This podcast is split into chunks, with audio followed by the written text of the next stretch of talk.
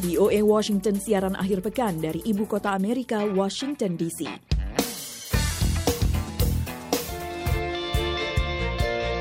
Halo pendengar, kembali VOA Weekend hadir untuk Anda di hari Sabtu 25 Juli 2020. Kali ini bersama saya Eva Masdeva. Dan Rifan Dwi Astono. Nah, minggu ini tepat sudah 16 minggu ya, Van. Seluruh Hmm. kehidupan kita berubah total karena corona.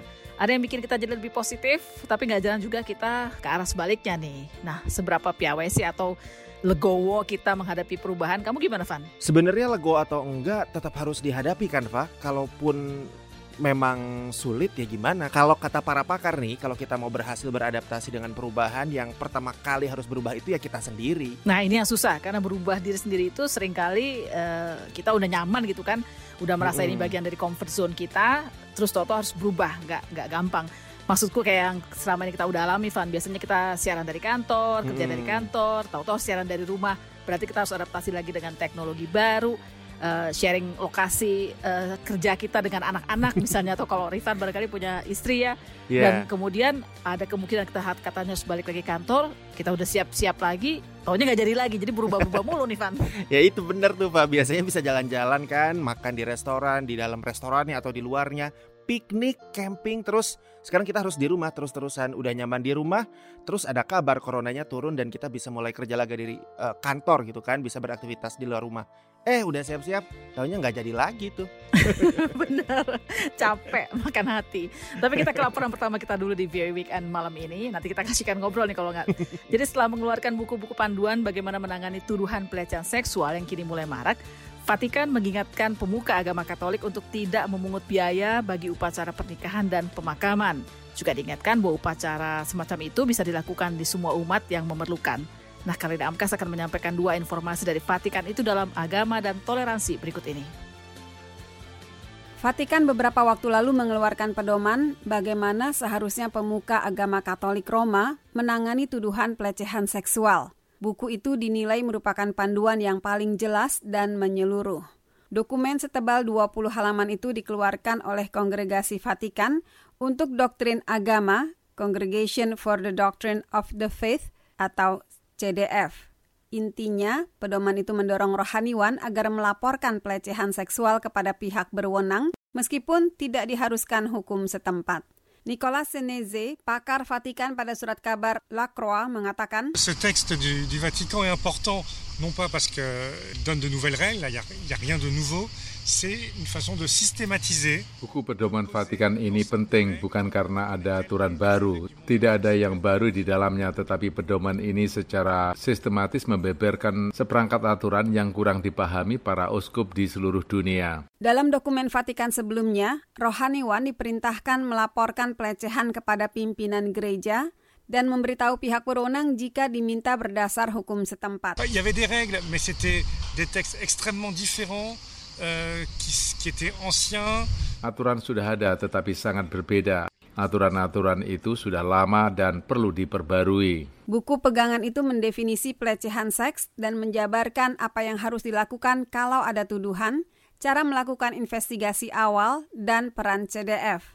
Pedoman itu juga mengurai proses pidana dan prosedur banding bagi mereka yang dituduh. Paus Fransiskus menjadikan perang terhadap pelecehan seksual dan upaya menutup-nutupinya dalam gereja Katolik Roma salah satu prioritas dalam masa kepausannya. Pertemuan khusus digelar pada Februari tahun lalu untuk membahas isu pelik tersebut. Ketika itu, Paus menyerukan adanya buku pegangan praktis yang membeberkan langkah-langkah yang harus diambil pihak berwenang pada saat-saat penting begitu muncul satu kasus. Vatikan mengatakan, buku pedoman itu adalah versi 1.0 yang bisa diperbarui jika dan bila perlu.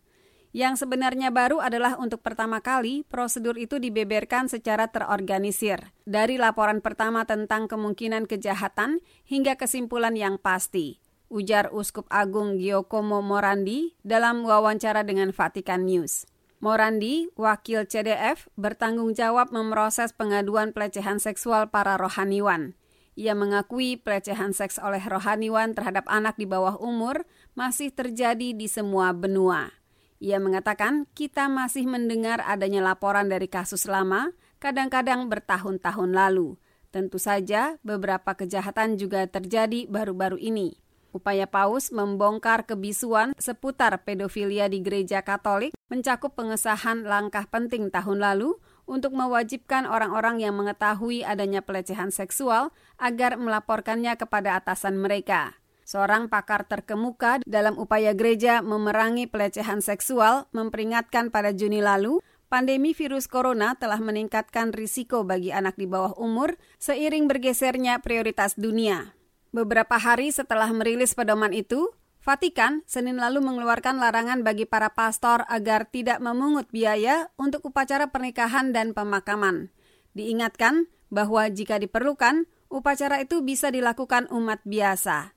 Sementara banyak gereja Katolik meminta sumbangan untuk misa, ada sebagian yang menetapkan biaya untuk berbagai layanan, mulai dari pembaptisan hingga misa mengenang orang yang meninggal.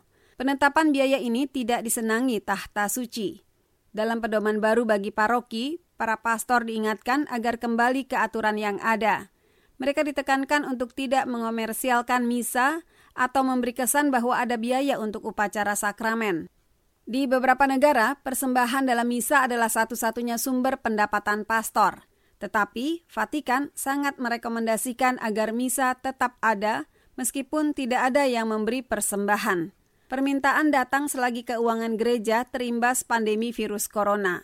Menteri Keuangan Vatikan memperingatkan pada Mei lalu, penutupan museum dan pembatalan acara penggalangan dana akan menyebabkan pemasukan turun hingga 45 persen. Sementara itu, laporan statistik tahunan gereja tahun 2020 dikatakan jumlah umat Katolik di seluruh dunia naik hampir 6 persen antara tahun 2013 dan 2018. Sebaliknya, jumlah pastor turun 0,3 persen atau lebih dari 7 persen di Eropa. Mengatasi kekurangan pastor dan diakon, orang awam dibolehkan membantu dalam pernikahan jika tahta suci memberi izin. Mereka juga bisa merayakan misa minggu dan pemakaman.